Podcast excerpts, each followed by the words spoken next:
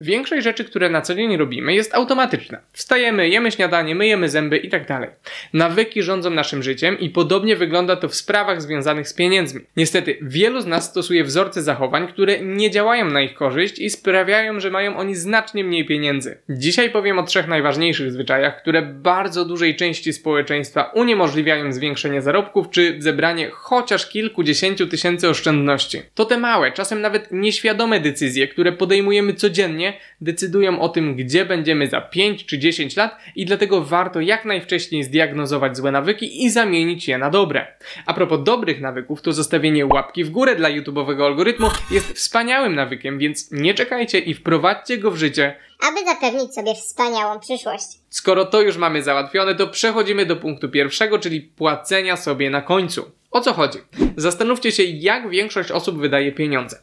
Najpierw opłacają mieszkanie i rachunki, później jedzenie i na przykład samochód, a następnie wydają pieniądze na przyjemności, czyli powiedzmy wyjście do kina, restauracji czy na koncert. Wszystko na pierwszy rzut oka wygląda ok, ale takie nie jest. Dlaczego? Dla dużej części z nas okaże się, że przyjmując to intuicyjne podejście, nie zostaną nam żadne pieniądze. Oszczędzanie i inwestowanie według tej hierarchii jest na ostatnim miejscu, a przecież to ono decyduje o naszej przyszłości. Część z Was na pewno słyszała o prawie Parkinsona. Praca rozszerza się tak, aby wypełnić czas dostępny na jej ukończenie.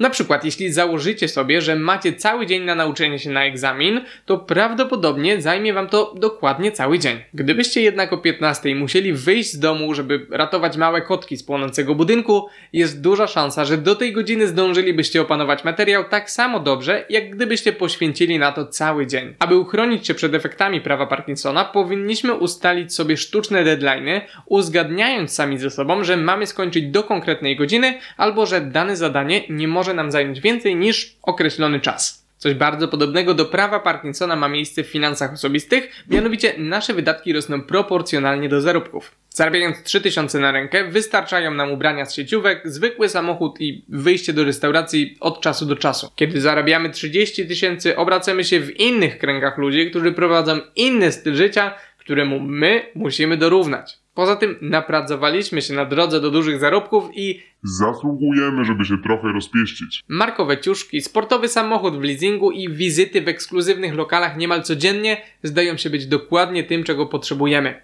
Nawet nie pamiętamy tego, jak skromne wymagania mieliśmy jeszcze parę lat wcześniej. To zjawisko ładnie określa się mianem inflacji stylu życia i osoby, które na nią nie uważają, zaskakująco często, pomimo bardzo dobrych zarobków, nie mają żadnych oszczędności.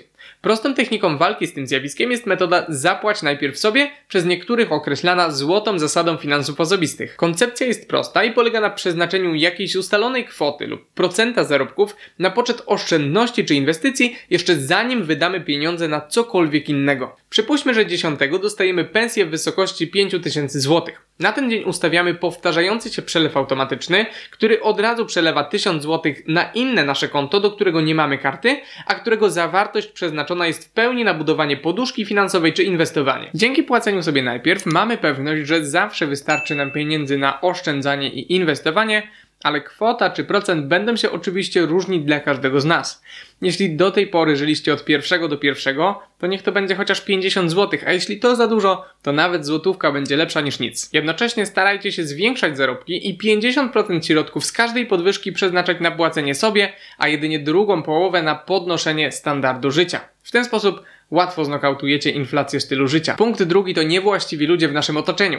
Jest takie powiedzenie, że każdy z nas jest średnią pięciu osób, z którymi spędza najwięcej czasu.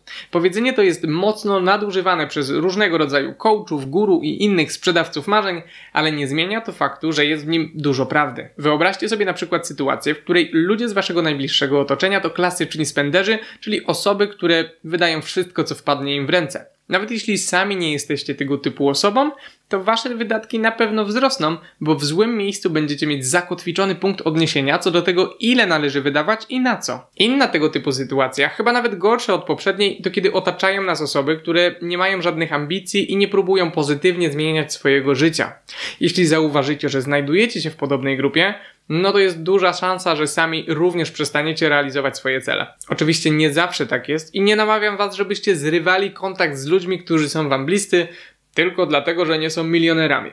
Zamiast tego porozmawiajcie z takimi osobami i przedstawcie im swoje ambicje. Być może również będą chcieli coś zmienić, bo jedynie brakowało im bodźca, a nawet jeśli nie, to jeżeli naprawdę jesteście dla nich ważni, postarają się Was wspierać, a nie przeszkadzać Wam. Tak zachowałbym się w kontakcie z ważnymi dla mnie osobami, które być może nie do końca prowadzą swoje życie w kierunku, w którym ja chciałbym iść, ale oczywiście cały czas poznajemy nowe osoby i moim zdaniem należy je wybierać bardzo świadomie, czy wręcz rygorystycznie. No ale w jaki sposób możemy nawiązać kontakt z osobami, którym się chce, które mają ambicje i które chcą zabezpieczyć finansowo swoją przyszłość?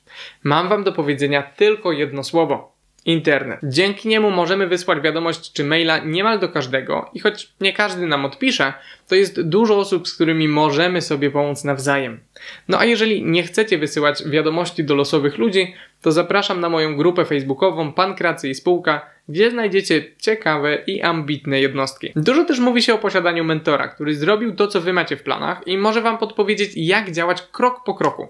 To oczywiście fantastyczna sytuacja, która otwiera wiele możliwości i przyspiesza rozwój, ale pamiętajcie, że taka osoba powinna też dostać coś od Was. W jakiś sposób powinniście zrobić z tego sytuację win-win, bo inaczej nikt nie będzie chciał Wam pomagać. Zamiast pytać, co mogę dostać, pomyślcie, co mogę dać, a wierzcie mi, że dostaniecie znacznie więcej. Punkt trzeci to marnowanie czasu. Jak wyświechtanie by to nie brzmiało, czas jest naszym najcenniejszym zasobem.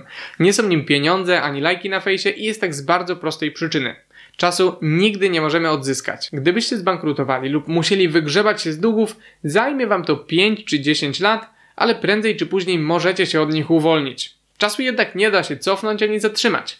Można go tylko wykorzystywać albo marnować. To z tego powodu musicie myśleć o tym, jak spędzacie czas. 3 godziny i 43 minuty. Tyle średnio spędzamy czasu w telefonie każdego dnia.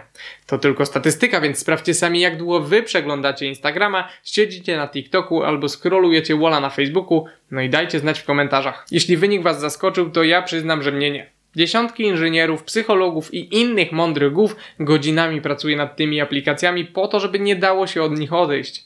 Jeśli myślicie, że swoją silną wolą jesteście w stanie pokonać te cuda inżynierii, to jesteście naiwni. Może uda się raz, może 5, a może 15, ale w długim terminie nie macie szans. Któregoś dnia, zanim się zorientujecie, minie godzina waszego czasu poświęcona na oglądanie słodkich kotków, smacznego jedzenia i dziwnych majsterkowiczów, którzy stary zardzewiały łańcuch przerabiają na katanę. Jeśli to nie brzmi jak wy, to może co weekend spędzacie 6 godzin na oglądaniu Netflixa albo grając w gry komputerowe. Każdy z nas ma coś takiego, co pochłania jego uwagę, a co niekoniecznie jest wymarzonym sposobem na spędzanie czasu. Nie zrozumcie mnie źle. Nie twierdzę, że rozrywka to coś złego. Warto jednak zastanowić się, ile rzeczywiście jej potrzebujemy, żebyśmy nie czuli się jak koń pociągowy, no i przede wszystkim pomyśleć o tym, jaka to ma być rozrywka. Być może równie dobrze naładujecie baterię spotykając się ze znajomymi, idąc poćwiczyć czy czytając książkę, to może okazać się bardziej spójne z waszymi celami. No a może rzeczywiście musicie pograć na komputerze, ale nie 3 godziny, tylko pół. Ja sam byłem kiedyś zapalonym graczem i podczas grania potrafię dosłownie zapomnieć o całym świecie.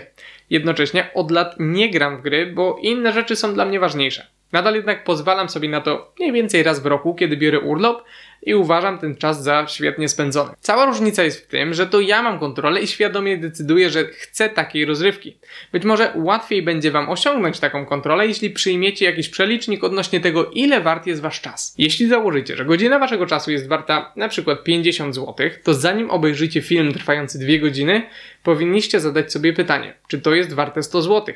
Jeśli nie, to może zamiast go włączać, rzeczywiście powinniście poświęcić ten czas na zarobienie tej stówki, no albo na zwiększenie kwalifikacji, tak aby wasza godzina była warta jeszcze więcej. Znajdźcie pewien balans i dostosujcie ilość niskowartościowej rozrywki do waszych potrzeb. Nie marnujcie na nią więcej czasu niż musicie, no bo nie prowadzi to do niczego dobrego. Wszyscy mamy 24 godziny i to, jak je wykorzystujemy w ogromnym stopniu przekłada się na to, jak wygląda nasza przyszłość. Jeśli na przykład przez wasze lata 20 będziecie się obijać, to jest spora szansa, że po 30 dalej będziecie bez kasy i dlatego często zastanawiacie się nad tym, w co inwestujecie swój czas. No a jeśli chcielibyście zrobić więcej w krótszym czasie i przestać odkładać ważne rzeczy na później, to koniecznie sprawdźcie ten film.